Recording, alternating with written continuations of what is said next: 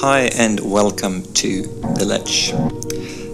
Today's guest has been on things like 60 Minutes, uh, National Geographic, as well as in productions like Valley Uprising. Basically, nothing major. So, I figured it was time he got some real attention. So, here it is Alex Honnold's Big Break.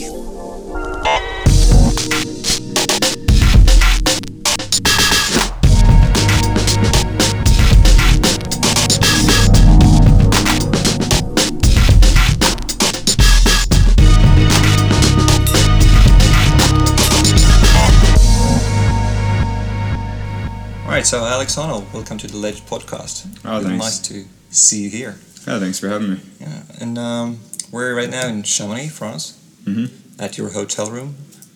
Um. The cellar. Yeah. Yeah, yeah. Um, how come you're here? Uh, I mean, I guess I'm in Chamonix. I'm in Europe, sort of on a sport climbing vacation tour with my girlfriend. Mm-hmm. Um, I'm in Chamonix because uh, my book got translated in French, and so there was like an event through the publisher here. Right. And then I've never been to Chamonix, so then I turned into a little four day excursion here, and it was pretty awesome actually. So you decided to go here, like it was about a book at first. It's not like you wanted to go. Well, a lot of my a lot of my like climbing trips slash climbing vacations are sort of centered around a few work events, mm-hmm. and then I sort of fleshed it all out around. You know, so I knew I had to be in Chamonix on the tenth, Right. but then it was really convenient because I was staying with a friend in Switzerland, and the place ran out on the seventh. So I was like, oh, I can get a free hotel room in Chamonix from the seventh till the eleventh. You know what I mean? One of those things where it's like, oh, since I'm doing a work event, I can stay there for four days. Sweet. And then it worked out even better because somebody needed some filming done, and so then I was like, oh, sweet, I'm in Chamonix, and so we got to go on the glacier and like climb mountains for two days. That's perfect. Yeah, so everything is like perfect. So is that how it works? That you, you plan it yourself around events, or if it's it's your sponsors, or No, yeah, typically I plan that kind of stuff. Yeah. I mean, there are a handful of things that are handed down from sponsors where it's like you have to be at such and such event on whatever day. But even those, then you sort of build it into your itinerary where it's like, well, I wanted to be there anyway for something else, and then you know, So that, that does that go for your uh, climbing as well? Is it any kind of uh, the sponsors say uh, you should go there and do that, or is it totally yourself No. you decide it? Um, no, it's funny. I mean, people ask that all the time. Like, oh, do your sponsors put pressure on you to like solo routes or like climb hard things? It's just like not the case at all. No. Um, I mean, most of my sponsors. I mean, the people working in sports marketing at like the North Face, let's say. I mean, it's not as if they're high end climbers. You know, they're, they're- it's, it's not like they know what like cutting edge rock climbing is. They're mostly just supportive of whatever. You know, you know, follow your vision. You know, like do do what you think is inspiring. Um, yeah, there's like basically no pressure to perform climbing wise. So that, I mean, officially, of course not, and then and uh, well, that's the wrong wrong word. But do you think you you uh, are influenced in some way though by what like media or people say, uh, or By the it just- yeah, well, not Well, Yeah, what you want to do by to public do. perception or whatever. exactly. Um, Have you changed in any way since no, ten not, years ago? Like, not that much. No? I mean, I, de- I definitely have changed a lot in the last ten years for sure. Um, you know, I mean, I personally have like grown and everything, and being able to stand in front of a big. I mean, yesterday, like standing in front of an audience in a plaza in France, speaking terrible French in front of a crowd. I mean, like the sixteen-year-old me would have freaking just died right there on the spot. you know, like I mean, there's just no chance that I could have like spoken terrible French in front of a million people, especially in front of that kind of crowd where it's all World Cup competitors, which are all people that I truly respect and who are like great climbers. And I'm like, these are my peers, and they're really good at what they do, and I'm totally terrible. And I'm up here like presenting a film about soloing six B. You know, it's like it's just not impressive compared to what. Um, yes, I mean totally. I'm I'm way different than than I was you know ten years ago, but I think in a positive way, not like in a Right. So, but so is it? Um, do you think it's constantly constantly doing these things, or is it? Um, does does the? Uh, I mean, it's got to be something you learn from from climbing is really difficult and uh, dangerous routes like soloing. I mean, what you do, how, how to keep calm, collected. yeah. Does I mean, it help you in? in well, Probably. I mean, I think with like events and things like this, it's come more from from practice. I mean, honestly, I think practice is like the key to everything. You know, like if you want to do public speaking, you just do a lot of it, and eventually, it's not that scary. And then the same with the dangerous routes. You know, if you do enough scary climbing, eventually, it's just not that scary. You just start to feel very comfortable. I mean, it's interesting. Like uh, just the last two days here filming, uh, I sold an easy route up the Grand Capucin, and then we repelled the main face, and uh, and then filmed on random pitches in the middle of the wall. Um, because we weren't trying to shoot like a whole route. It wasn't like we weren't trying to tell a story. Like the whole, we were just trying to get some beautiful images. It's just like straight, you know, like filler. type material. And uh, I've never done that before, where you just like randomly rappel down a wall and then just choose pieces of it that like look really exposed to film on. And so I mean, it's kind of crazy because you're rappelling down this down this like thousand foot wall, and then at a random spot that's really steep and like looks spectacular, you like shimmy out of your harness and start climbing again. And it's like it's pretty outrageous, you know. And uh, I don't know. I was like, well, this is quite the experience. And you, you mentioned that uh, that's a difficult part to, to move in and out of, like soloing and being safe. Mhm. Uh, Yeah, well, that's I mean, in the film is talking about that with uh, daisy soloing and rope Yeah. soling and free soloing and like switching back and forth. Um, I find it's actually a little bit less difficult maybe to like rappel into something, shimmy out of my harness, and Okay. then these things as soon as you let your harness float away and then somebody pulls the rope up, you're like, okay, it's game. Like it pretty much, you know, you flip the switch and you're Yeah. like, now I'm climbing. Yeah. I mean, it does take a minute to like flip that switch and be like, okay, deep breath. Now I need to fully focus because it's like while you're hanging there on rappel and chatting with your friends and swinging around, you're like, oh, this is so fun. We're having a great time on this big face. And then once your harness goes away, you're like, oh, okay. like now it's pretty serious. Like I need to like really focus and hold but on. how that does work uh, with the focus when you uh, you're there with a photo- photographer or filmmaker, um, you get drones flying around or whatever. Hmm. Um, does it affect you? Like, does it uh, move you? Or, Um, I don't know. I mean, drones are sort of annoying. Like the noise is annoying, um, but it's not. You know, it doesn't affect the fundamentals. Yeah. Um, and typically, if something is really serious, the photographer or videographer or whatever also feels how serious it is. And they generally are more tense than I am. I mean, like particularly this example on the Grand Capucin the other day. Um, the hardest thing I did was maybe like a six C pitch, but it was like wildly steep and had this kind of crazy like step across move onto this like gonging hollow flake. So I like knocked on it. It was like bong, and I was like, well, very delicately like Yeah. step over onto it, and it felt safe, and you know it was fine. But the photographer, I mean, like Jon Griffith was shooting, and, and then he had uh, his friend Cora, who's like a mountain guide here and like really strong Italian climber. And Cora had like a looper rope out ready to like rescue me if, if it came to that somehow. And he's all like super tense, and John's super tense. Yeah. And you know, I felt relatively okay. I mean, you know, it was a crazy position, but but you know, I mean, that's kind of the process of soloing. I was sort of like deciding what to do, where to place my feet, and it was all kind of. I felt relatively calm, but you could, you know, if I looked up, I was like, oh, they look fucking gripped, you know, and you're just like, they were completely silent, totally, you know. I know, I mean, generally the photographer, videographer is like very aware of the situation and and totally because if you're on easy, easy terrain and they know it's easy and mm-hmm. it's all just like fun and games, then They'll they'll shut around. Right? yeah, then they'll tell you things or be like, hey, can you stop there? I'm going to change lenses, or like, oh, I need a new card, or you know, can you chalk up there? It looks amazing, whatever. Mm-hmm. But when it starts getting pretty serious, like nobody says anything because they're just like, oh god, you know, like hope it works out. With that kind of uh, hollow flake, hollow flake you, you mentioned there, uh, do you have how much do you know about the routes? Because sometimes you on-site solo. Well, yeah, I mean, in this case, was I was onsight soloing. Yeah, yeah. Basically, I mean, I'd rappelled down it and I'd looked at it and been like, Yeah. oh, this looks easy. But you you knew it was all solid, and I mean, No, I mean, I didn't. hollow- I, did, I mean, you know, I didn't know anything about it. But then there, I also have a guy above me with a rope, like just in case. In this particular instance. I mean, I have done a ton of onsight soloing. Yeah, yeah. Um, and then it's just a matter of deciding whether or not you're comfortable with the moves as you do them. You know, like can you reverse it? Do you think the rock is good? It's Yeah. just I don't know. But you must But- know something about a rock before, I guess. Like you, you well, yeah. So like with with Chamonix, uh, at the day before I sold the Trident and um, and spent like sort of the whole day scrambling around on the Trident, Mm. and the I was like super impressed by the rock quality. Um, like the granite here is better than any alpine granite like I've probably ever seen. I mean, or maybe comparable to Tuolumne, but maybe better, Mm. and like way better than Patagonia or like other places I've been in the mountains. Okay. And so, um, way better in the Eastern Sierra, which is like comparable elevation, similar style of granite. And so, you know, I'd spent a day and a half climbing on the rock, and- and I've spent like my whole life climbing on granite like that. Yeah.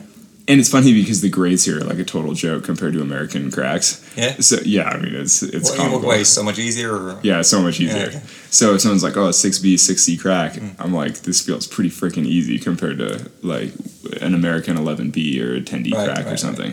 And so, um, yeah, I mean, I was just like, "Oh, I feel very comfortable on this." That's like basically because it's just not physically that hard, and the rock is super good. And then if I get, you know, yeah, I can always down climb or you know scream for help or do it. You know, there's always some option. Yeah. Okay. So you feel comfortable there. Yeah, I feel pretty comfortable. Is it always like that when you're uh, when you on-site soloing that you, you make sure it's a way out or No, I mean, well, there's always a way out of down climbing. You know, Yeah. As- until as long as you're not making moves that you can't reverse. Mm. You know, there's no. um, no reason why you can't just go down. Ah, Okay. Huh. So, what, what what makes a good uh, solo climb? I don't know. I mean, it just depends. Like, uh, I don't know. I mean, you know, the right degree of challenge, the aesthetics, the, the beauty of the line. I really like climbing things that are a line of weakness up a difficult face. Mm. You know, so you're climbing the easiest way up it, but it's still quite challenging. Right. Um, which is funny. It kind of drives me crazy when something is like the line of strength up an easy wall. Um, which, like, I was just climbing in the UK like last couple months, and it seems like a lot of the hard routes, are, like the walls are quite featured. So to mm. do a hard route, you sort of have to like it's like an eliminate or something where you mm. you know don't go to the arete because that's too easy, but and don't go to the crack in the corner because that's too easy. But you mm. just force it right up the middle with no gear and hard holds, and you're like, you know, I prefer it when it's like the wall is blank and there's one line up it, and that's the easiest way, but it's still quite hard. Which which is a pretty natural thing on granite, you know, because you just follow like the one crack straight up a blank wall. But that would constitute a good climb anyway, right? Yeah, it's no, yeah, I No think so. difference really what you want to solo or what you want to climb. Like, yeah, I suppose. I guess the difference between a good climb and a good solo is maybe um, you want the solo to feel secure. Yeah. You know, you want like you don't want it to be like smearing on glass. You know, you want it to be Mm. like good edges or good finger locks or something that feels Mm. secure. I guess. But uh, yeah, I don't know. You know, it just depends. But for me, it also helps to have a little history or something like a route that you care about. Mhm. But yeah, because there's not a lot in Europe that I know well enough to like care about. But it's not like uh, you prefer steeper stuff. Well, I guess you could do if it's if it's slabby. It's No, uh, in more- general, actually, I prefer having my weight on my feet. So I generally prefer slabby. I'm definitely better on my feet than Okay. because steep stuff. I think the difference is that uh, on really steep terrain, if you break a hold, it's like hard to say whether or not you'll stay on. Right. But like on slabby terrain, you can break a hold, break a foot, and like it doesn't really matter because you're pretty stable. Mhm. Um, Even if you break a foot. I Yeah, yeah. I mean, I've definitely broken tons of. I mean, the thing is, if you're on slabby terrain, it depends because you know you probably have something for your Mhm. hands, so you can always just like da and just hold on. Alright. Um, whereas like on steep terrain, I don't know. It's just a little easier to like ping loose. I feel like. Though I haven't really sold that much steep stuff, just because, you know, like there, there isn't that much on big walls, Sure, sure. and like especially granite. But does that hap- happen uh, on the longer routes that you're soloing that say you get like skin problem, like flapper or whatever? Does it even ha- I've happen? never, I've never had anything like that. No? Um, no, but um, actually, my skin is normally like really good about that kind of stuff. Like I pretty much never get flappers, and like my skin's always pretty solid. That's pretty good. Yeah, I think it's just one of those fairly lucky. You know, like everybody has random gifts. I think that's one of the things that's always been good for me. Yeah, exactly. no, but honestly, like um, just a couple years ago, I sort of decided that I think my skin is like sort of better than average, and I do think that over the years that probably has allowed me to climb more, which you know, like you wind up with a higher volume of climbing, which lets you get a little better at it, and like you know, I mean, it probably does help a bit. Yeah. But you didn't, you're not doing anything special. We just getting like, uh, no, I use Antihydral now. yeah? um, yeah, because my skin's like naturally pretty soft and kind of sploogey. okay. which probably or which maybe helps with um, I don't know. I mean, I don't I don't know that much about skin, but but I pretty much never get gobies or splits or tears or like any kind of um, yeah. I mean, like even with all the crack climbing, I pretty much never get cut or anything. I mean, you can see my hands right now. I have like this tiny little thing here, and this is from like two days of like heavy soloing in the mountains here with like no tape and no. And I haven't crack climbed in two months, you know, so it's not like I'm in, in that shape. Oh, and I hurt my finger on like one of the Oh, six yeah, that's, that's huge. yeah, exactly. It's like a tiny little. Yeah, and like to me, this is like a this is like a grievous wound. I was like, oh my god, I like I drew blood on it, crack. Like that's lame. You know what I mean? That's like as bad as it'll ever get. Wow. Yeah, it's like it's funny. I did um the the triple in Yosemite with Tommy. You know, like the Yeah, free and three walls in day. And uh, after two walls, Tommy's fingertips looked like these little like cherry tomatoes that each looked like they were gonna pop. Like it looked terrible. Yeah. And uh, though he'd come from Malta, he was like sea cliff climbing, so his skin was really soft. And I'd Mm-hmm. come from Morocco, like on really sharp crimps, and so my skin was like really hard. Yeah. But still, like so we do two of the walls, and Tommy's fingers looked like horrible. And then like a couple pitches up, uh, half dome, the last thing we were climbing. Like one of his fingers basically just like popped, you know, like a little tomato. And then for like the whole rest of the route, another like 600 meters, there was like a little spot of blood on every single left hand. And I was like, oh my God. And so, like, after the link up, he was like, well, I'm done for a week, you know, because his fingers like looked horrible. And I was like, I climbed not the next day, but the day after, and I was like totally fine.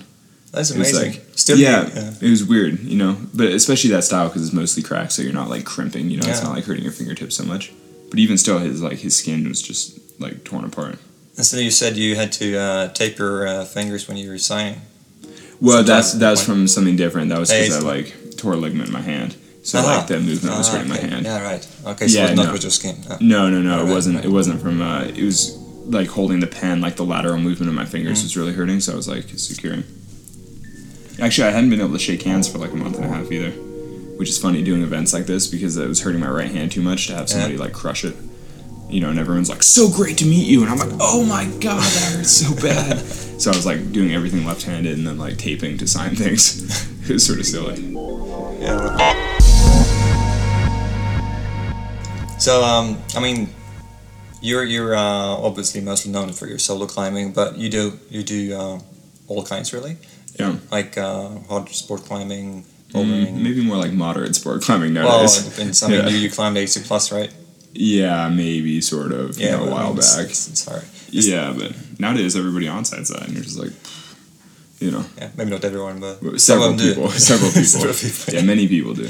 Yeah. I mean, if you count on sighting 8C, like it's kind of a lot of people now. Yeah, that's true. You know, it's like it's like not unusual for for random people to onsite 8B plus. No. You know, and to me, 8B plus is like really fucking hard. Yeah. Like man, I don't know. So is, is this something you want to be, become better at, like sport climbing? Yeah, it's funny. I mean, I've always like I've always sort of wished that I was a better sport climber, but then when it comes down to actually like making the choices, I've just never made any of the choices that would make me a better sport climber. Yeah. You know, because when it comes down to it, I always just choose to go on some adventure or go alpine climbing or go, you know, like doing the Sufferfest tours with Cedar, going bike touring, and um, I just like I love hiking. I love you know like having adventures on my rest days and like big scrambles and stuff, and those just like aren't conducive to sport climbing at a high level. You know, like I spent the last month living with Jonathan Siegrist, who, um, you know, like American sport climber. Yeah, yeah. It's funny because he's like, it's, it's so crazy with Jonathan. Like, um, actually, I'm gonna just call him out publicly right now, like, because Jonathan um, is like one of the best sport climbers in the world. But like nobody would ever know because he's so mellow and he's so unassuming. He's like not on a day. He's not like in any of the public stuff where people would know like how much he's sending. It's like so crazy. But so I, I, I was spent the whole month trying to get him onto 8A just because, you know, I mean, he is a professional climber and I feel like his whole career, or whatever you want to call it, would be mm. better off if people realize that he is, I think, the second best sport climber in the world according to 8A. Which is crazy, you know what I mean? Like nobody would think, like, because you know you're like, oh, Jonathan Siegrist, he's a really good climber. He climbs like 9A, 9A plus, whatever. Yeah, yeah. But um, just his last month in Switzerland, I think would put him at number two in the world right now, which is like pretty outrageous actually. And then I was like, if you look at his last year, I'm pretty sure he's number two combined too, which is like behind Adam, obviously. Yeah. But um, maybe number three. But I guess uh, Alex uh, Megos would be. yeah, yeah, of course. And like Chris Sharma is obviously Yeah, a stronger climber, and there are a lot of people who are better. But like if you're just looking at the 8A game yeah, or something, or like any of the other ranking type Mm, games. You know, and he's certainly like top ten in the world. You know, I mean, sure. yeah. Oh, yeah, it's sure. like when the two of us can just on our hand count like a couple people who are better than him. Mm-hmm. You're like, dude, like he's one of the strongest climbers in the world. It's crazy. But um, I forgot. Oh, so my point about Jonathan though was that he very consciously a few years ago chose to like pursue climbing 9b 9a plus whatever like you know he wanted to take it to a different level. So he gave up running which he's always he's always loved. He like gave up any kind of like extra exercise and he focused just on like training his fingers and arms Mm. and like climbing super hard which to me you know i'm like oh that sounds so boring. But like he now climbs like super fucking hard and he's like one of the best climbers in the world for sure. But i'm just like i don't know i just I'm not into that, you know. I, on my rest days, I want to go do like a Via Ferrata with my girlfriend and have Right. like an adventure in the mountains and stuff, which, you know, is never going to help me climb 9A or 9B or whatever. But it's like so much more satisfying. I think. I don't know. Yeah, you, But- you never know what you. I mean, uh, maybe it's worth it. It would be worth it if you could do it You mean to climb 9A Yeah, yeah. and 9B or something? I yeah, mean- maybe. to get to that level, and that would uh, open up other. Uh, Yeah, I mean, for, well. for Jonathan, it's obviously been worth it. He's been totally happy, Yeah. you know. Um, and I mean, I think he sees it as a very limited part of his life, you know, like for the next five years or whatever, he'll climb as hard as he physically can, and then, like, that's Mm-hmm. cool. Um, but yeah, it's just, I think that the, the climbs that I find the most meaningful are never like the hardest sport routes, you know, they're like big enchainments in the mountains, like doing the Fitz Traverse with Tommy or something.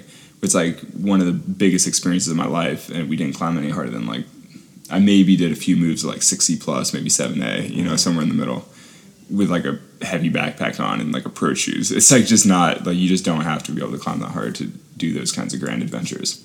Like I don't know, it's weird.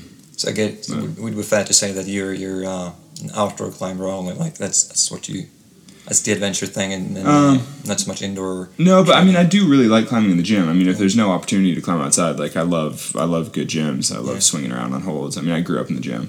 Um, I mean, at the heart, I just love climbing. I love the swinging around and like playing, and you know, like when you go into a modern gym with like a big arch feature or something and huge volumes hanging everywhere, you're like, it's pretty freaking fun. Yeah. It's like being in the Grande Grotta in Kalymnos or something. It's like it's super, super cool.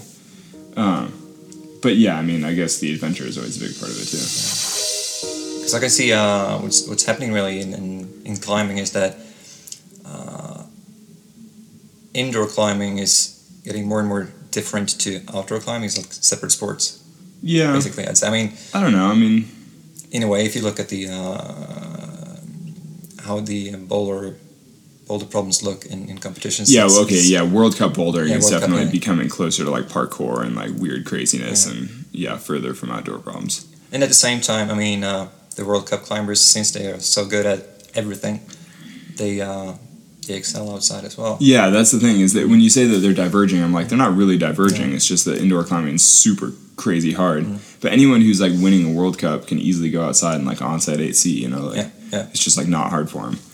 I'm like it's pretty impressive. You know. Yeah, and I, th- I think uh, I mean ten years ago it, it worked pretty fine to do uh, as an outdoor climber. Yeah, to to uh, live on your talent like a sport climber boulder, you Mm-hmm. could you could be world class and on pure talent almost. hmm But Now now- you have to train nowadays you really have to train. You know. Yeah. No, I mean I think Jonathan's a really good example of that. Yeah. You know, I mean he took his training to like a whole different level, and all of a sudden he's he's climbing like super hard. It's like.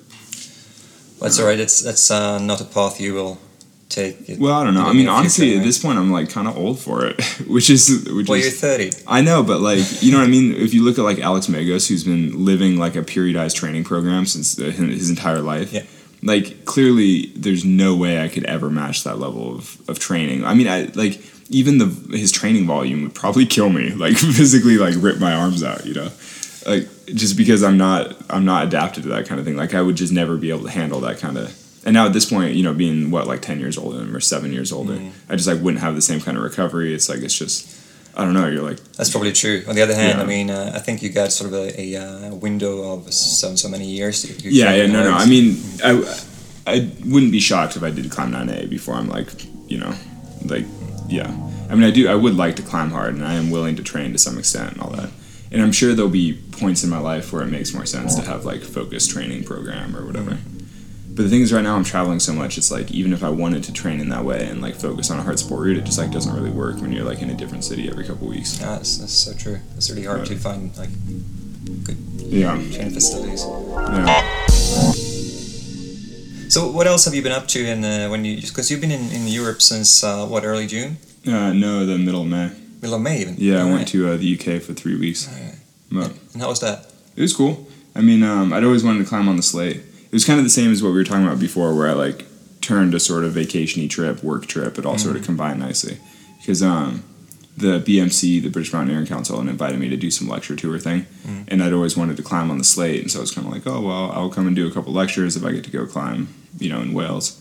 And um, so it turned into a nice little thing where I was kind of hosted and people put me up. And, and it's always nice, like, showing up and having local folks just, like, kind of take care of you, like, take you to the good crag, show you the good routes. It's, like, so much nicer than showing up by yourself with a rental car and a guidebook being like, so where's the mountain, you know? so, um, so it was cool. And then I went to uh, Ireland and went to the Fair Head meet, which was cool. And just, you know, sampling more, more UK trad. So, then- what was the? Uh, what do you think about the slate? I thought the slate was cool. I mean, I've always I think it's like one of the unique things in the world. Mm. You know, just I think there's just nothing like it. And so um, It's super slick, right? And with just edges. yeah, yeah, it's interesting. I mean, I'd heard that it was like so so slick, Yeah. and there definitely are some walls that are like outrageously smooth. You know, you'd like this would make a great patio, which is basically what it's for. You know, I mean, this is why they're like ordering slate. You're like, wow, this feels like a roof. You know, and like that's that's what it's for. Um, but some of it actually wasn't that. It reminded me a lot of Yosemite and things like ultra technical small holds, like really precise feet. Um, I didn't find it like as crazy different as as I sort of expected, but it is definitely a unique style, and it was pretty cool one. I don't know. Yeah, it's, it's fun climbing on a wall with like zero friction. So it's like if there isn't an edge, then you're just like you're hosed, you know. When you when you do that, when you climb uh, this kind of rock, do you, do you have? Uh, I mean, I guess your shoes must be like in perfect condition. Do you, do you have several pairs Yeah. of shoes to, to choose from? Or? Um, actually, funny you say that because I came on this trip. I mean, this is like a three month trip in Europe, and I came with like a pair of very good TC Pros. They were like slightly broken in, and then like brand new Miura VSs and and uh, brand new, you know, solutions and whatever. And then after like climbing on the slate for like two weeks, I was like, well, my my, my TC Pros are like like a little too broken or like too soft. The Miura VSs are now like broken enough that I like can't stand on the little micro edgy type things. Basically, yeah, the slate like chewed through shoes. But then I get to Switzerland and I'm climbing on like overhanging limestone, and I could I could be like in my socks. You know, it like just doesn't matter. So then I've been wearing Futuras the whole time. It's like totally casual. It's like doesn't make any difference if they're you know in good shape or not. So do you wear your shoes really small? Like, I wear 'em pretty tight. Yeah. Yeah. Everything is downsized quite a bit. Yeah. But I don't know. Yeah, I mean. I Yeah, mean, it's, on, on slab is pretty important. Yeah, I don't know. I mean, I think it's just what what I'm used to. But yeah, I mean, my my boot size or approach shoes or whatever, like 46 and a half, and my climbing shoes are all like 41. So it's like a Ah. pretty pretty solid drop. Yeah. But then it's also like I've been wearing the same models of shoes since I was like 12. So I mean, honestly, I think my feet are like curved into to some of the shoes. But All right, So, um, so was Britain. Any, any any other impressions from Britain? The, the climbing or I don't know. I mean, I could do a whole podcast on like British trad ethics. Please like- no, no, I don't know. It's funny. It's just it's so crazy there. It's funny because the style, the whole trad warrior thing, like actually sort of suits me because obviously, um, you know, dealing with fear and like managing and like wiggling in bad gear and all that stuff. I mean, you know, like I'm relatively good at all that stuff, and so it's not like a huge problem for me. But I still just find it so dumb. You know, I'm like, why aren't there bolts on all this stuff? Like, and also, it's funny. I just love convenience climbing. I, you know, it's- people talk about how crazy it is in Chamonix with like bolts everywhere. Mm-hmm. But I gotta say, I was pretty stoked on bolted anchors all over the mountain. You know, because it just like it just makes it so convenient to go up and mm-hmm. down. It's like safe. It's easy to mm-hmm. repel, and it's just. I, I mean, it's just not that big an impact on the rock. You know, like having really. having two bolts with like a chain is so much better than having like weird tat all over and like having pitons and like slings and like big slung blocks and like you know which all needs to get replaced all the time and is constantly decaying. It's like having like a good stainless steel bolt or something that's like there forever, totally bomber, so much better.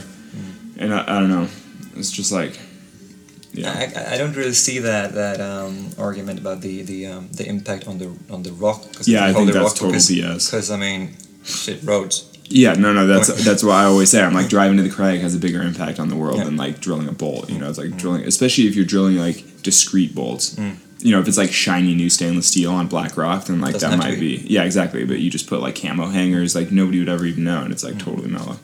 But But I mean, Mm. yeah, in, in the UK they really like it. So. Yeah, I always feel like when you're in like an insular scene like that, like the smaller the community in a way, like the weirder the set of rules are. You know, like you look at the Czech Republic with sandstone climbing, or like the UK, or like just like random communities around the world that sort of like develop their own set of rules and like weird in isolation. And I think that's when you get into the weird fringe stuff. You know, where you're like, why do you guys do that? And then you come to like mainland Europe and just like anything goes. It's like. But I'm kind of into that because the standard is so much higher. You know, I was I was talking with a bunch of Brits who who live in Chamonix now, and um, it's just it's funny because like in the UK, you know, if you want to try something that's physically hard, like you probably are gonna die if you fall off it. Basically, you know, at least on the hard trad stuff. And so there's no there's no real way to push yourself safely, and so it keeps the standard like relatively low. Whereas you come to Europe and everything is bolted, and so you know like everybody tries their as hard as they want anytime they want, and so the standard is just like much higher. You know, I mean, people are like climbing 8B plus like no thing. Mm. And like in the UK, if you're climbing 8B plus, it's like the hardest routes in the country back. Well, on trad anyway. Yeah, and I guess it's, it's uh, also a lot easier to if you got the the uh, climbing level, you can climb nine A plus, right? Mm-hmm. 9 B. It's pretty easy to to uh, go into trad climbing and climb. Yeah, 8As. totally, Yeah. totally. Yeah, I don't know, but yeah, UK trad. But I mean, like, I don't want to be too like disrespectful of the whole community because obviously, you know, like I had a good time there, and I mean, it's interesting and it's fun climbing and, and whatever. I mean, I think it's cool. I'm just like I just don't see why it's not bolted. You know, like I mean, in some of the things I climbed there, like one of the things at Fair Head did have old bolts that had been chopped. And so, like, I wound up soloing the route because it's protected by sky hooks anyway. And I was like, well, this is stupid because one, I didn't bring any sky hooks with me to Europe on my sport climbing vacation. and, like, two, it's like sky hooks aren't even rated to whip on anyway. Like, you're not supposed to be whipping each on sky hooks. I was like, this is stupid. And so, like, as I'm soloing it, I'm passing these, like, chopped bolts. And I'm like, oh, if these bolts were still here, this would be like an amazing sport pitch or even an amazing mixed pitch mm. because, you know, you have like four bolts on a 60 meter pitch or something like that. And then you have some gear here and there which you know i'm like okay that's totally sufficient you know like that's reasonable. Like you're not looking at major death you know because it's like a vertical wall like you could take big clean falls and it'd be fine. But like instead because somebody was like oh you can't have bolts on this wall and they chopped it and now you have you know what would have been like a glorious like 7a or 7a plus sport pitch Mm. is instead this like trad warrior like mega you know like e7 or whatever which is like just not accessible to many people. I mean like a lot of people can climb 7A, 7A plus, you know, like that's not a big deal, but climbing E7 is like not accessible to the average person. Sure. And so I feel like that just like holds the standard back in a way that like it doesn't need to. Yeah. But Yeah. I don't know. They got their history though, and uh, I mean, if they like it, it's up to them, I guess. Yeah, totally. I mean, Yeah, obviously, like if the climbing community has decided that that's the game they want to play, then I'm like, fine, like that's cool. Mm. As long as you know everyone's aware that that's like holding back a standard and like you know sort of limiting access to you know I don't know. I mean, if that's the way people want to play, then like power to them. You know, because obviously, like yeah, it's their choice. Yeah. But that's why now I'm in Europe sport climbing. Yeah, yeah. So, Yeah. you, so after Britain, you went to Switzerland straight, or what? No, then I went to Paris for four day work thing um, because, like I said, my book translated in French, so it was like a big. I did a, an event with Kilian Jornet in, in this crazy auditorium in Paris. It was pretty cool because I'd never met him before, so it was like pretty exciting. But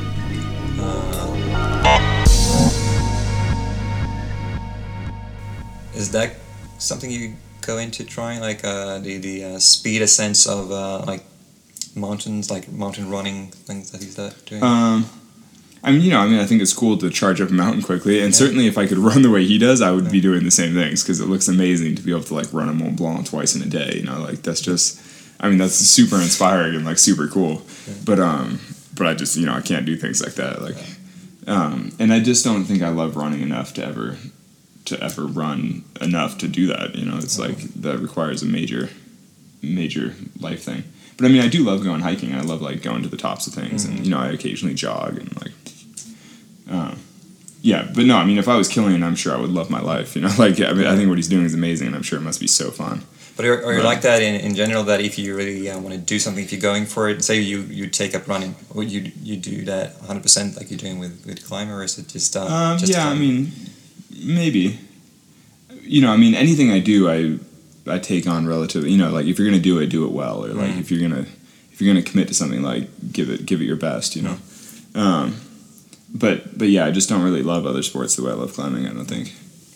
You know, like I mean, I enjoy going mountain biking or something on a rest day, Mm. but I could just never give hundred percent to mountain biking because I'm just like I just I just think it's dumb. it's rest activities. Yeah, exactly. Yeah. It's like recreation, whatever. Right. Yeah, and same with hiking and running. I'm like, oh yeah, it's fun. It's a nice way to see things if I'm somewhere, but the only reason I want to go somewhere is to go climb, Mm. and so then the other stuff is all rest days. So uh, is there sort of especially any kind of like uh, the transition between um, the the rest day mo- mode and and uh, like uh, climbing mode? Is it some? Do you have any like rituals that you do?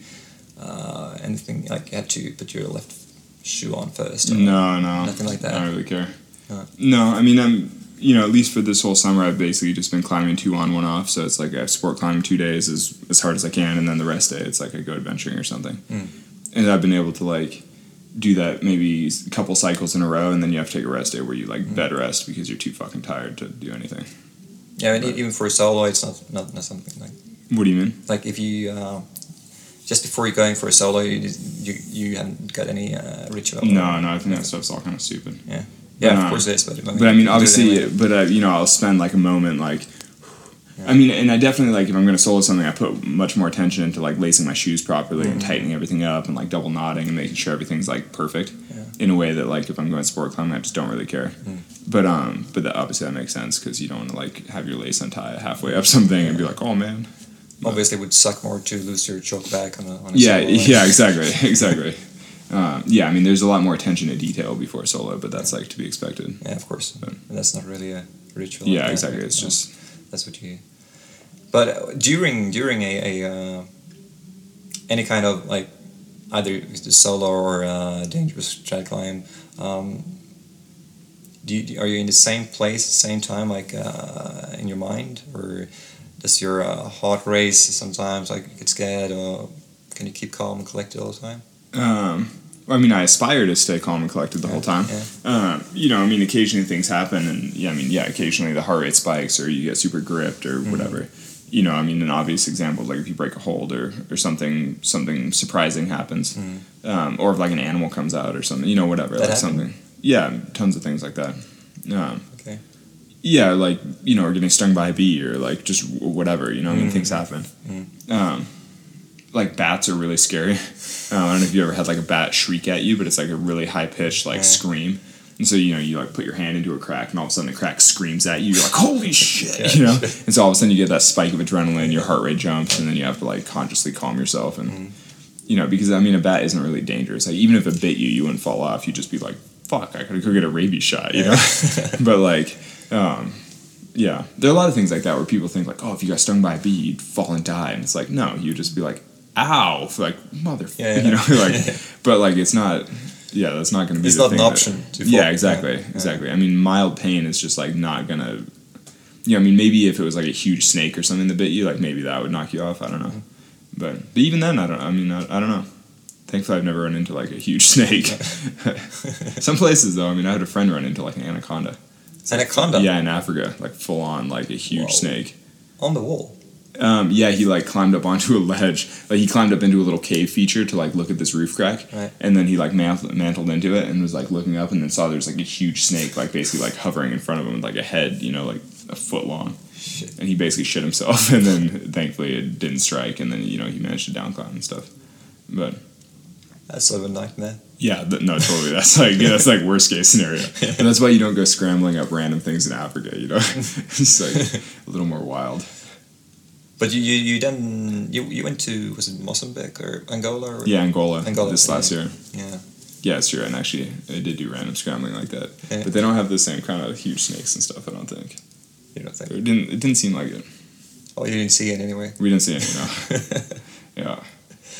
uh, so uh, you wouldn't uh, you don't need to try like uh, beta blockers or anything when you're climbing would you even consider it I don't even know what that is. uh, that's that's really uh, it's sort of a drug that that uh, prevents your heart from like racing or uh, blocks Oh, the yeah. adrenaline Huh.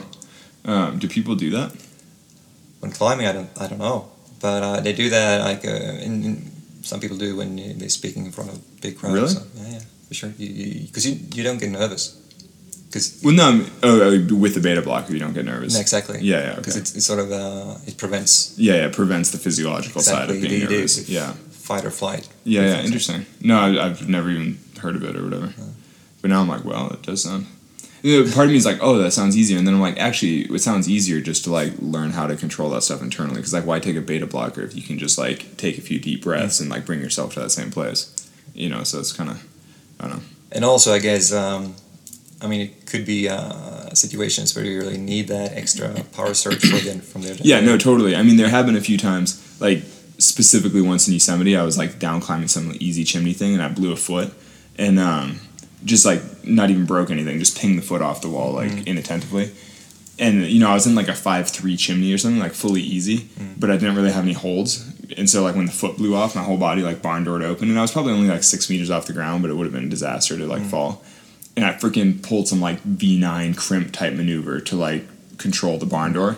You know, just yeah. you know, which is exactly what you mean, like that Yeah. power surge. that's when like you really need it you know, and then I like pulled back in and then like down climb, come more. I mean, you know, it's like easy chimney. And then when I got to the ground, my heart's racing. I'm like, oh my god, you know, because you realize that you just like fully, like almost botched it, but Yeah, like pulled it together. And there definitely been a few times like that where you have like a superhuman surge of strength that you're just like, holy shit, you know. I don't know. I'd rather keep it all natural. yeah I think. that's probably better yeah yeah. I mean, your body is designed to do that kind of stuff, so it's like, you know, I mean, that's why you have like a surge of strength like that. But you you mentioned that you were you were on like this easy five three climbing, and, and then that happened. Mhm. Uh, is, is those parts, I mean, the easy parts where you really relax, is, are those parts the, the most dangerous parts? I kind of think so. Yeah. Um, and actually, I do very little like easy soloing now. Um, I mean, I used to do a lot of volume, just like tons of easy pitches, and now I like don't really see a point because I do kind of think that that's like the most dangerous in a way. Um, or it's sort of just exposing you to more risk, I suppose. Not that it's necessarily more dangerous, but it's like you're just stacking up. You know, you're just like adding. Mm. You know, it's more numbers. Um, but yeah, I mean, it's interesting if you look at soloists who have died soloing. None of them have ever died on hard terrain. You know, like no one's ever died on a cutting edge solo. No one's ever died like doing anything truly hard. But like a, a handful of soloists have died on easy terrain. And I mean, I think it's just kind of that, you know, like, uh, yeah, losing attention or just whatever, slipping on easy stuff. Or it's just the odds game, you know, if you do enough easy terrain, like something weird might happen eventually. Kind of like if you spend enough time in the mountains, I mean, there's just a good chance that like you have an avalanche or a Yeah. or something random, you know. Objective danger. Yeah, exactly. Yeah, yeah. It's just like some random chance. Which is funny because like ten years ago, I used to debate this a lot with one of my friends, like this guy Chris Weidner in, in Boulder, and uh, like he would always. I mean, it was kind of sort of more like an academic debate where he he liked to say, you know, basically the more you solo, the more you're in danger. Like mm-hmm. you know, it's just a numbers thing, and I was always like, no, that's just not the case. And now I'm actually like, yeah, that probably is the case. But it's just like a it's a complicated like nuanced thing because you know to some extent the more you solo the more comfortable you are with it and so the safer you are when you're doing mm-hmm. certain things and as long as you're really intentional about like which risks you take and how you take them and i don't know but yeah in general though i'm not that stoked to solo like a million pitches of 5-7 just because i'm like it's not going to make me a better climber Right. and there is some risk associated with it so it's like yeah So how- how did you? Uh, I mean, you you are um, for sure one of the most famous climbers in the world. Like people look up to you, they see what you do, they, look, they hear what you say, and you, they listen to you. Uh, does this in any way change what you say, what you do? Do you think about that, or Um, no, not that much. I mean, it's it's changed a little bit what I say just because I'm a little bit more intentional about the the things that I promote or like the thing. I mean, like basically my my fan page, like you know my Facebook page, my Instagram, all that kind of stuff.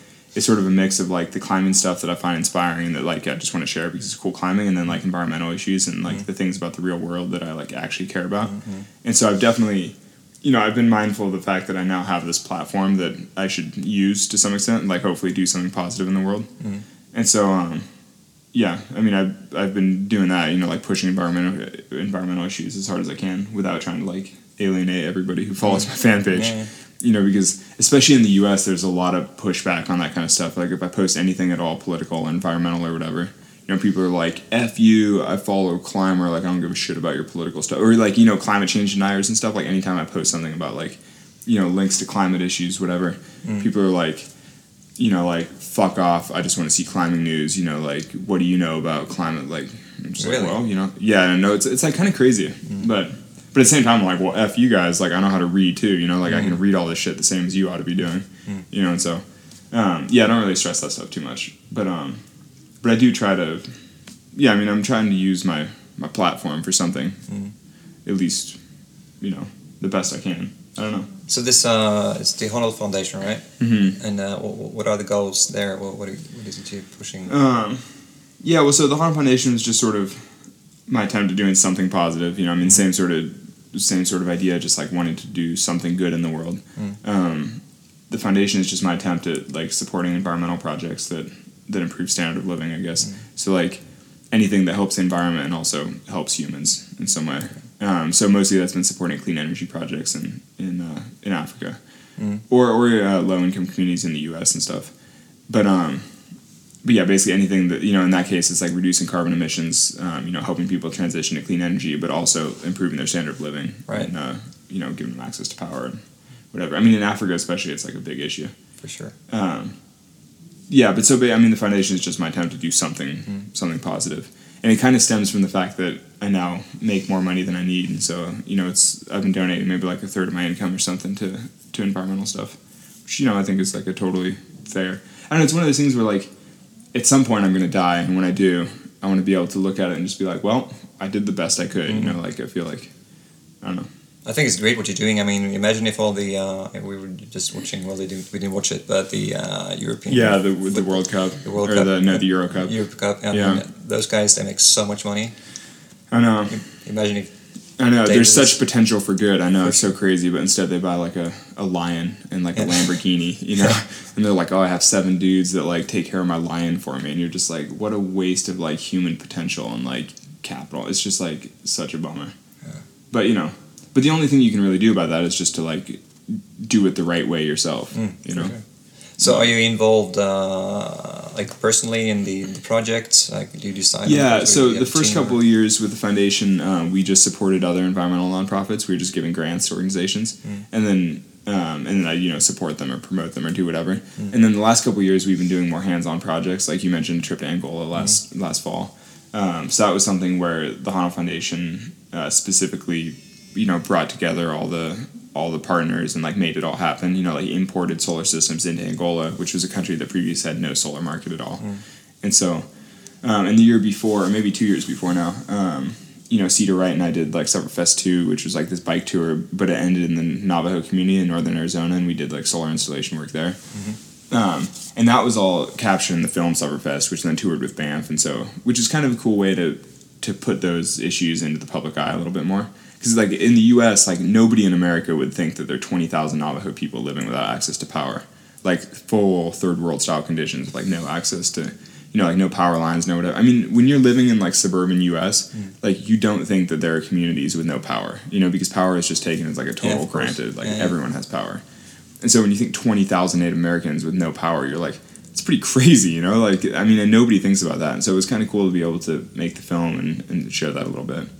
Um, yeah, it was interesting because the film just shows us like writing in there and then like installing a couple systems and being like, "Oh, great, we did this great thing," which is like good for the film and it's good to be able to tour. But the actual project that the Honnold Foundation was supporting was like a 14 month thing through this other nonprofit um, who had previously done the same sort of uh, project in a different community. So we were basically like extending their project into a new area and like you know it's this ongoing thing that educates kids and like loaner programs with with solar and like it's this multifaceted thing with the whole community. And so the only part of it that you see in the film is us just like drilling a couple panels on, being like, look, we're helping these poor Native Americans. But in reality, it's like a much more complex thing. And so the foundation had given like, you know, a sizable grant to, to Elephant Energy, which is like the nonprofit that was running the whole thing. And so, I mean, there was a lot more to it. But then to be able to put a very simple version of it into the film and like put it out there is, you know, I, I feel like still beneficial. For sure. Yeah. I don't know. And then same with the Angola thing. Um, the Angola project was filmed by Vice, and so it turned into this like cool little, you know, thirty minute film online. Maybe it's twenty, but um, but then the actual project is still ongoing. Like I just got a couple emails in that the some of the other systems that we finance have just been distributed by the government in a certain way, and like um, like that project turned out being quite a bit different than we expected, but it sort of changed because once we landed on the ground in Angola, we realized that the situation was like much different than we thought, and so then we just sort of you know adapted to to suit the conditions. Yeah. And so then we were a little bit worried that the whole project would wind up being like for naught. But then now it's like sort of working out, and you know it's. But even even if it hadn't actually played out the way we wanted, it's still good to try. You know, Yeah, yeah. it's still good to go into It's like a new area. yeah, exactly, exactly. And that's kind of my thing with the foundation is that like, I mean, I'm doing my best to find like the best projects that do the most good, but, um, but you know, obviously like I'm a professional climber. You know, I'm not like. I mean, I never went to university. Like, you know, it's not as if I'm like particularly well suited for any of these kinds of things. And so, you know, I'm doing my best to find things that I think do good in the world. But, um, Yeah, You know, more you know, people we'll did see. that. well, yeah, that's the thing. That's that's totally.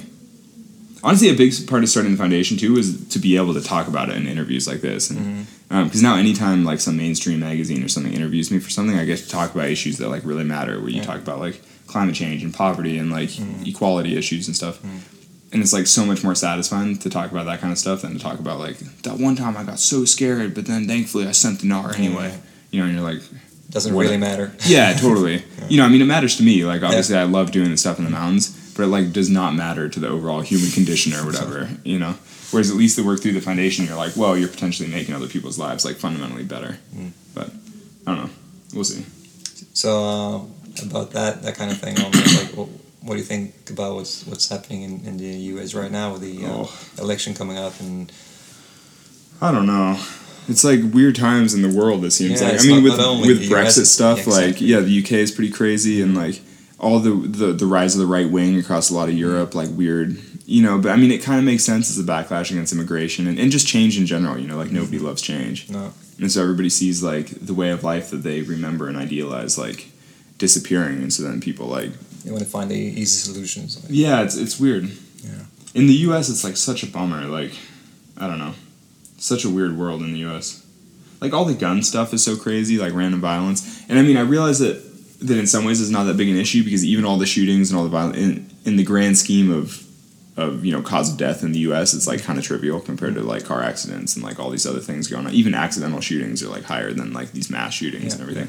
But at the same time, you're like, how is there no political will to deal with any of this kind of stuff? You know, like like why is there so much debate about it and like why do people get so upset it's like why can't you know the country come together in a better way and like i don't know it's crazy It is. but yeah it's very disappointing i mean the donald trump stuff you're just like but Do you we'll think see he could even even win? Mm. I don't really, but then obviously the Brexit stuff is like somewhat alarming. No, we didn't think You that know. would happen either. yeah, exactly. Like that's yeah. I don't. I mean, it's it's hard to say. Yeah, because you just never know. Because it's interesting. I've read a bunch of articles that uh, in the in the history of the U.S., like never have two candidates had higher negatives. You know, like never have people hated them more. Mm. So like so many people hate Hillary, and then even more people hate Trump. Yeah. And so then you're left with this weird like, you know, will people even vote because they hate everybody? And like it's this weird. Yeah. It's strange because like Trump is sort of riding this like populist wave, and like Bernie Sanders is riding like a huge populist Yeah, yeah. wave. But then the two candidates that get left are like hated by so much of the population. Like, does that still represent populism? You know what I mean? Like, if everybody freaking Yeah. hates them, is that still like you know the support of the people? I don't know. It's And then all you know is that the extremists they're all going to vote. yeah, totally. Mm. and it's a weird. I don't know. It's strange though because the overall trends in the world are still very positive. You know, like the whole. I mean, for the entire history of humanity, everything's gotten better. gradually more liberal. Like. Mm. You know, standard of livings are high. Like, basically, life is great. Everything is good around the world, and it just seems so bleak in some ways. You know, Mm. you're just like, whoa. Maybe it's just because we read too much news. It makes it Yeah, sound yeah. bleak. We're all connected all, all the time. Yeah, you know Yeah. exactly what's happening. Yeah, you and you, and I mean news always focuses on the on the bad stuff. So. Uh, Yeah. So, uh, but back to um, Yeah, back to grind. We just took Yeah, like yeah. a long detour. Listeners are like, "Whoa, hello Yeah. politics." But um, your book, how did that come about? oh, um, Is it did you write it yourself or no, it's co-written with uh, David Roberts, who's like a big. Um, he's written like thirty books in the U.S. Right. and um, he was one of the first people to do a profile with me, like in 2010, I think it was, for Outside Magazine.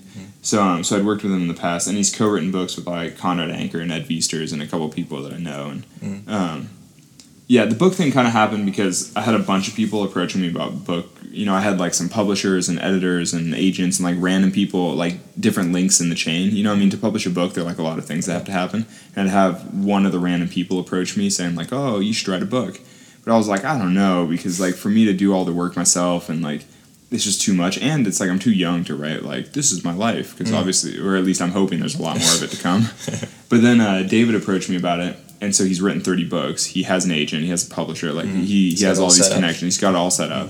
And he's like this is how it'll work. He's like i've done this with conrad before. It takes six months. It'll be Mm. sweet. Um, you know here's how much money you can expect to make. Mm. and uh, i was like oh that all sounds pretty good. You know like you do most of the work. Everything's all lined up. I was like sweet. You know because then and like publishing memoirs I don't know. I mean, there's definitely an appeal too to to like controlling the story a little bit more myself, you know, because I've done all these film projects like Sender Films and various people over the years. And so they're all these like little snapshots of my life, but it's nice to put it all together into a slightly longer form and, and like control the narrative a little bit more myself. Be like, this is what I think is important, and like this is how I did it, and um, yeah. And so I mean, it's just seemed like a nice opportunity for me to sort of like put it together myself. And then you know, obviously, I mean, I need to make a living too. It's like I'd love to be able to buy a house and stuff. Um, So Yeah, how does so- it work? The process is uh, you talk like once a month or uh, No, so David and I did. Um, so David, well, so I don't know if you've seen the book, but it's um, it's actually split between two voices. Um, David chose. Well, he felt that the the whole narrative would work better if there was like a third person voice that sort of provided like background and context. Because he thought that if the whole thing was in my voice, just talking about my climbing, it would all be like, "Oh, it was really nice. I had a nice time," mm-hmm. and he felt like it wouldn't have any of the perspective of like, "This is truly challenging," or like, "This is like never been done before. This is very mm-hmm. hard."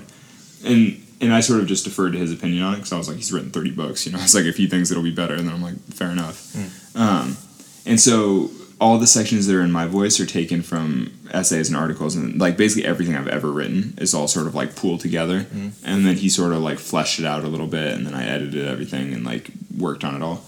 And then you know he would write sort of the the the narration and then you know I'd edit all that too. I mean basically it's just this collaborative work. Mm. But so he joined me in a sport climbing area where I was hanging out and we did like six days we basically did like 40 hours of interviews over the course of a week mm. which is like it's funny because it doesn't seem like that'd be hard, but like That's imagine talking about yourself for eight hours a day. You know, it's like fucking like you're it's actually like kind of heinous. Therapy. Yeah, no, it is. It is like yeah, you really like deal with a lot of issues. It's Yeah. like fuck. But um, so we did that, and he that's just his process that he finds that he can like get into somebody's voice well that way. Which makes sense that if you spend 40 hours listening to somebody a week, you're suddenly like, oh, they live in my brain now. it's like terrible. But um, yeah, and then we like pounded out in six months. It's cool.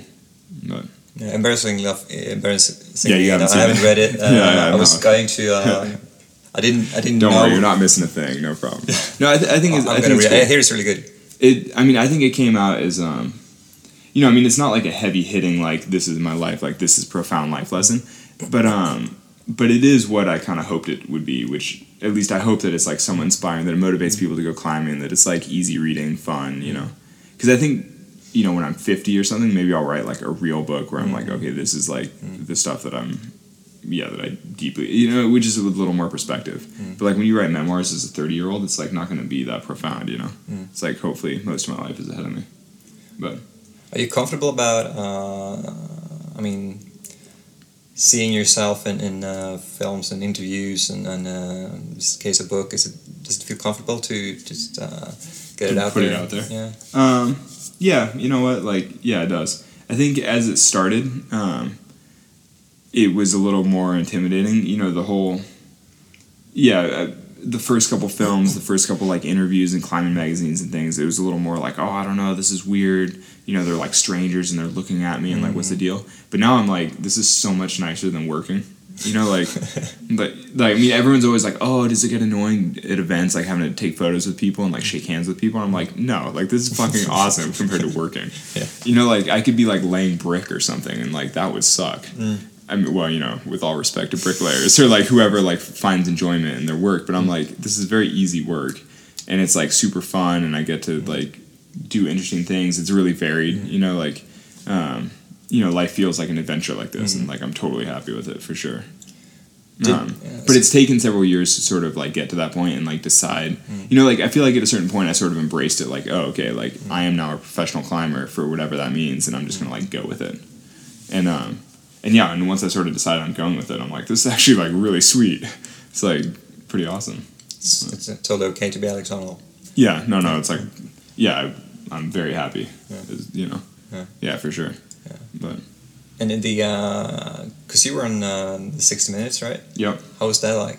What was that like? was probably the biggest thing that's actually changed my life for Yeah. sure. It's funny because the producer from that 60 minutes segment, um, he's like an amateur climber. Like he talked to me a bunch beforehand, Yeah. trying to like get me into it, Mhm. and um, and he was like, "This will change your life," Mm-hmm. and I was kind of like, "Whatever," you know, because I'd already done a couple climbing films and like interviews and you know random things.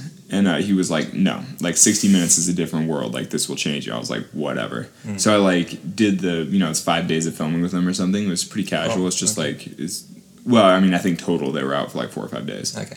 Did the whole thing. You know, it's all pretty chill. Like that's the same as filming like any other climbing movie or something where you're like, oh, a couple days, whatever. But then when the segment aired, it's like 60 Minutes was seen by like 20 million people, and then they aired it like three times, and then they got recut for like 60 Minutes Sports. So basically, like, you know, at least like 50 million people saw the segment or something, and you're just like, oh, it like definitely changed things a bit. Yeah. And then yeah, started getting way more like speaking opportunity. Like that definitely like started the snowball going for sure. And also again, I mean, uh, Valley Uprising is now on Netflix. Yeah, People watch that all Yeah. over the place. yeah. Though I don't a think. community thing, though. I mean, that's, that's Yeah, that's the thing. Is that's yeah, that's the thing. Is like putting a mainstream news broadcast in front of like tens of millions of like average Americans is like a lot different than having like a nice climbing Yeah, movie that like. Though I mean, Valley Uprising is an awesome film, and it has been widely seen also because like Discovery aired it, and, Mm. um, True. but that's still like a little different, you know. Yeah. So does this mean you're like recognized in the street in the U.S. Or? Yeah, for sure. Yeah. Well, um, recognized on the street like anywhere, basically. I mean, varying degrees, but Yeah. like, I was in like um, oh, I forget which city it was, but one of the old cities in Morocco, like in the city center, Mm-hmm. fucking full tourism mode, just like wandering through the streets and like the the souk or whatever, you know, like the the city center deal, and like some random Moroccan dude was like, "Oh, YouTube, whatever," and I was like. What the fuck, you know? Because they're like, what? Obviously not a climber. It's just like some random dude on the street in Morocco. It was like probably the weirdest, you know. But that stuff definitely like happens, you know. But that's you know all the little clips on on YouTube and stuff. I mean, you know, it's ten, millions, tens of millions Yeah. of views like spread across all these things. I mean, a lot of people see that stuff. Like- But still, I mean, uh, it's gonna be a, a huge difference. Even like the top sport climbers or boulders that are like s- legends in, in climbing, they Mhm. not recognized by by uh, non climbers. Yeah. wouldn't say so much. I mean, Yeah. Adam, I could walk in the street and no one would know. You think he might? For I mean, in the Czech Republic. Maybe not in the Czech Republic, but uh, maybe not in Chamonix, but in, in, Yeah, in yeah. Sweden for in sure. In Chamonix, like everyone would Yeah, be like, dude. yeah. Yeah. Um, I don't know. I mean, the difference though is just the the soloing stuff is just so obvious for a non climber. Yep. You know, I mean, if a non climber, someone who's never seen rock climbing, watches Adam Ondra climb something, they'd be like, "Why is that guy screaming? And like, what is he doing? You know, like like what the heck?" Yeah. But then anyone can just see a photo of free soloing and be like, "That looks fucking crazy," Yeah. you know. And like it's easily understood. It's like totally. It's like elemental in a way Yeah. that like sport climbing isn't. And so, you know, I don't know. I mean, it's just. I mean, it makes sense that like a soloist would have like a wider mainstream appeal than. I mean, look at Patrick Edlinger in France or something. yeah. You know, I mean, there are plenty of like much better climbers, but you know, he was the one doing it without a rope the most, Hmm. sort of. Um, yeah, I don't know. Or even like you know Ueli or somebody. I mean, it does seem like most of the like really well known climbers around the world, or like Alex Huber or whatever. Yeah, like yeah. people who are super mainstream, like do a lot of stuff without a rope just because it's like it's just obvious. Uh, it's, Which- it's big mountains and or without and soloing. Like Mhm. that's that's where that. or both, like Ueli, both, yeah. and then it's even cooler. Yeah. you know. But yeah, I don't know. I mean, But that's nothing for you. Like this, the stuff that he did in, in um, was like, Annapurna? want to solo the South Face of Annapurna? Yeah, yeah. Definitely not. Like No. completely out of the That's- question. No, it's like totally crazy. But but big bigger mountains in general. Um, not that much. I don't know. It's funny. I had dinner at his house the other day when we were in Switzerland. Mm-hmm. He was he lives like just across from where we were staying, so, um, and at dinner he was talking about uh, like finding partners for the West Face of Makalu, which is like some huge like alpine granite wall. And he showed me a picture, and like it looks, you know, I was like, oh, that looks easy as fuck. Like it's just like scrambling up granite, Right. but it's like eight thousand meters, and it's like I forget how big it is, but you know, it's like a two or three thousand meter wall of granite that you're just like scrambling forever. And he was like, the future of Himalayan alpinism is finding like simul climbing and like doing all the speed stuff that they're like we're doing in Patagonia, we're doing wherever.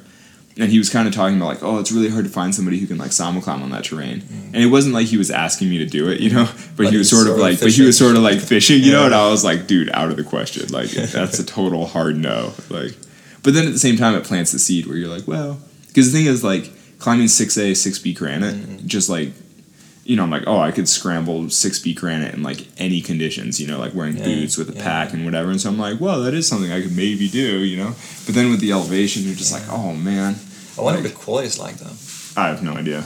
But even if it's bad. I mean, the Ruth Gorge is like probably the worst granite on earth, and um, and did okay there. You know, it's fine. It's not sweet, but but maybe it's good. You know, maybe it's like Chamonix. Like It just could never be. I mean, you, I mean, I was thinking about you know the, the, the ice and the cold and it would crack and all that, but same thing here, right? So- Mhm. Yeah, no, I mean, it, it. I don't know. Yeah, it just depends how good the rock was and how much it's weathered, and just I don't know. I mean, because the Ruth Gorge is like horrible, but no, yeah, it could be really good. So, a uh, couple of more questions only. Like, uh, do you ever lose motivation? Just you're always psyched to do music. Um, no, I'm, I don't know. I think one of the good things is because I do so many different types of climbing, it, keeps me motivated Mm. more than. Um, well, I was gonna say more than other climbers, and I'm like, actually, that's not true because. You know, someone like Joe Kinder is like always stoked, even though he only sport climbs all the time. you know, so I'm like, well, he's just like stoked. But um, but no, I've always, you know, I mean, going to Patagonia for a month in the winter like gets you really stoked to go sport climbing, and then I sport climb for a bit, and it gets me stoked to like have an adventure, and then I go, you know, so you never get and you never get sick of traveling all the time. well, that a little bit. Like so, last year was the first time I kind of got burnt out, and um, I spent maybe like four or five months, like maybe like four, maybe like two or three months. It felt like a long time, but maybe a couple months, like basically doing nothing. Um, I was like running a lot. I was in Yosemite. I wasn't really climbing. I was like soloing easy show with my friends and just hanging out. Mm. Um, but um, it was it was funny. Yeah, last year because I was climbing with Hazel in Australia, Mm. and um, and she was having these shoulder issues, um, and she had a torn labrum and wound up having to get surgery and stuff. But so I was climbing with her while she was sort of in the process of discovering what was wrong with the shoulder, and so she was obviously super depressed about like, you know, why is it hurting? Like, what's the problem? Like, do I have to have surgery? And I was like, getting surgery on the shoulder doesn't sound that bad. You get take a couple months off. You get chill for a while. Like that sounds great, you know. And then I was like, man, if I'm like envious of her getting shoulder surgery, like maybe it's time for me to just chill the fuck out for a while and just like relax. And so then when I went home, I did just like you know I had this list of like goals for the season and stuff, and I just like didn't do anything. I just went running and the. It was fun just hanging out in Yosemite and like biking around the, the tourist loop and like walking on the valley floor. I was like, it's quite lovely here, even when you're not climbing. It's like this is pretty cool.